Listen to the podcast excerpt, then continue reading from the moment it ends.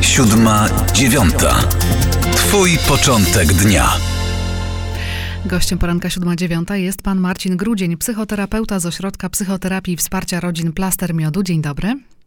Dzień dobry. Kiedy kilka tygodni temu zapowiadałam rozmowę o przemocy wobec kobiet, kilku panów zwróciło mi uwagę, że warto byłoby poruszyć temat przemocy wobec mężczyzn, bo zjawisko istnieje, mimo że o nim mało słyszymy.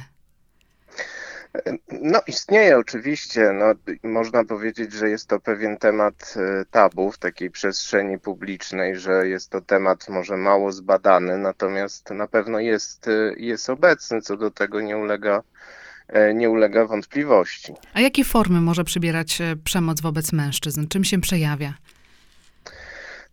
No właśnie tutaj myślę, że się pojawia pierwszy taki stereotyp dotyczący przemocy e, wobec mężczyzn, to znaczy przemoc jakoś w ogóle nam się kojarzy w pierwszej kolejności z przemocą fizyczną.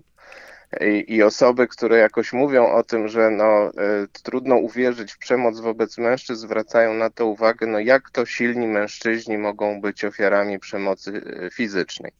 No i pewnie te różne badania, które, które podejmują ten temat, zwracają uwagę na to, że, że jeśli chodzi rzeczywiście o przemoc fizyczną, no to różne takie w miarę wiarygodne dane na ten temat mówią o tym, że jedna na dziesięć ofiar przemocy to jest mężczyzna w Polsce. Natomiast to, co jest jakoś ważne, no to w ogóle poszerzenie takiego rozumienia przemocy o inne formy. I myślę, że akurat w stosunku do do mężczyzn, tak, tak jak, jak oni o tym e, mówią, jeśli już się zdecydują o tym mówić, no to e, częściej występują formy przemocy e, psychicznej czy emocjonalnej, czasem także formy przemocy seksualnej czy ekonomicznej. I właściwie każda z tych czterech form no, jest, jest formą przemocy według Światowej Organizacji Zdrowia i trudno mówić o tym, że nie wiem, przemoc fizyczna jest bardziej dotkliwsza od przemocy e, emocjonalnej czy, czy ekonomicznej. Każda z nich jest jakoś e, istotna, no bo e, mówimy tutaj o ofiarach przemocy i o tym, czego one doświadczają w związku z tą sytuacją. A jeśli chodzi o tę przemoc w aspekcie psychologicznym, to konkretnie jak to, jak to wygląda? Co możemy uznać już za, za przemoc? No, myślę, myślę sobie, że taka, taka e, najczęściej, jak już o tym mówimy, e, myśl dotycząca przemocy e, emocjonalnej czy psychicznej wobec mężczyzn, no to jest alienacja rodzicielska. O tym się mówi stosunkowo dużo, to znaczy utrudnianie kontaktów z, z, z dziećmi. E, jakieś formy właśnie, które sprawiają, że, że mężczyźni nie mogą, e, mimo tego, że jakby mają pełne prawa wykonywać swojej roli ojcowskiej, no jest formą przemocy, e, przemocy psychicznej. Ale to, to, to jest oczywiście tak, taka sytuacja, w której no, nie wiem, rodzice się czy partnerzy się rozstają już tej relacji nie ma. Natomiast no, w samej relacji, kiedy, kiedy ludzie są ze sobą w związku y, no, y, też występują różne formy przemocy psychicznej. No, I na, na przykład no, taką, taką formą są, są, są różnego rodzaju nie wiem, wyzywania, krytykowanie, tak? Y, e, też różnego rodzaju e, no, negowanie różnych, różnych działań, prawda, ze, ze, ze strony mężczyzn, nie wiem, różnego rodzaju uwagi, prawda, dotyczące tego, że on, nie wiem, czegoś nie potrafi, nie może, nie wiem, nie zna się na czymś. E, A obsesyjna kontrola i śledzenie na przykład? Tak, oczywiście. To, to, też jest, to też jest forma, nie wiem, różnego rodzaju po, po, po, podsłuchiwanie rozmów telefonicznych albo, nie wiem, zaglądanie do mediów społecznościowych, żeby coś sprawdzić. No to są różnego rodzaju formy, formy kontroli, które abs absolutnie są, są formą przemocy, yy, yy, przemocy psychicznej. Bo ja się zastanawiam, gdzie przebiega e, granica między kłótnią a przemocą. No, to jest oczywiście ba bardzo dobre pytanie i bardzo, mm, bardzo myślę, trudno do, do powiedzenia, gdzie się, gdzie się ta granica kończy, dlatego, a gdzie zaczyna jakby, dla, no, dlatego, że to jest e, też trochę indywidualna sprawa do, dotycząca jakby przeżywania tej sytuacji przez e, osobę ofiary. E, I, I myślę sobie, że tutaj no nie, ma, nie ma jasnych reguł. Jedne, jedne osoby czują, w, że coś, coś jest nie tak w związku z tą kontrolą, na przykład, o której pani, o której pani mówiła. E, dla innych jest to jeszcze jakaś sytuacja do, e, do zaakceptowania, chociaż myślę sobie, że no, w gruncie rzeczy to ta akceptacja może wynikać też z jakiegoś braku wiedzy w ogóle, no, że, że to jest, że, że, to, że, że możemy tutaj mówić o, o przemocy, tak, że mimo tego, że jesteśmy w relacji z drugą osobą, nie ma prawa jakby kontrolować na przykład właśnie naszych, naszych rozmów y, telefonicznych.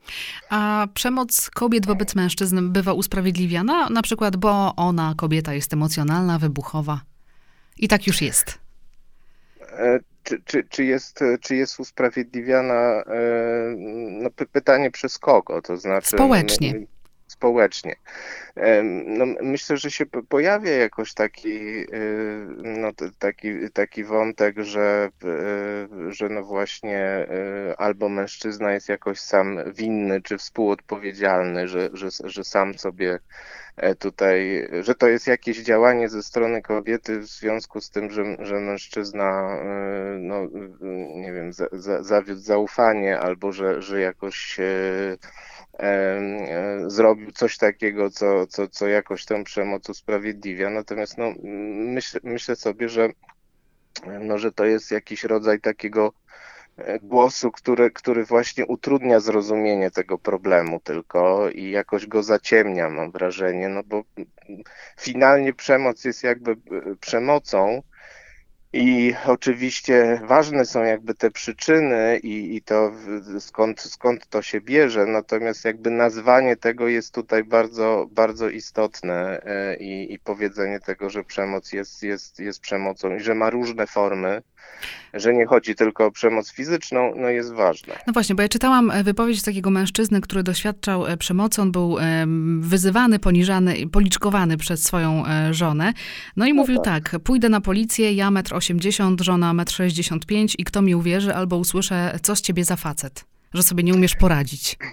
To, jest, to są przyczyny, dla których mężczyźni bardzo e, e, rzadko decydują się na zgłaszanie przemocy wobec siebie i E, I stąd właściwie ten, dlatego powiedziałem na samym początku, że to jest trochę temat niezbadany, w tym sensie, że nie mamy pełnej wiedzy jakby o problemie, no bo właśnie jest wiele sytuacji, w których mężczyzna albo się wstydzi zgłosić, albo się obawia jakiegoś niezrozumienia, E, nie ma też często jakoś wsparcia ze strony swojego najbliższego otoczenia, bo właśnie też e, często pojawia się takie rozumowanie, no słuchaj, no jak, jak ty możesz być ofiarą przemocy, jeśli masz ten metr 80, a twoja partnerka czy żona metr 65.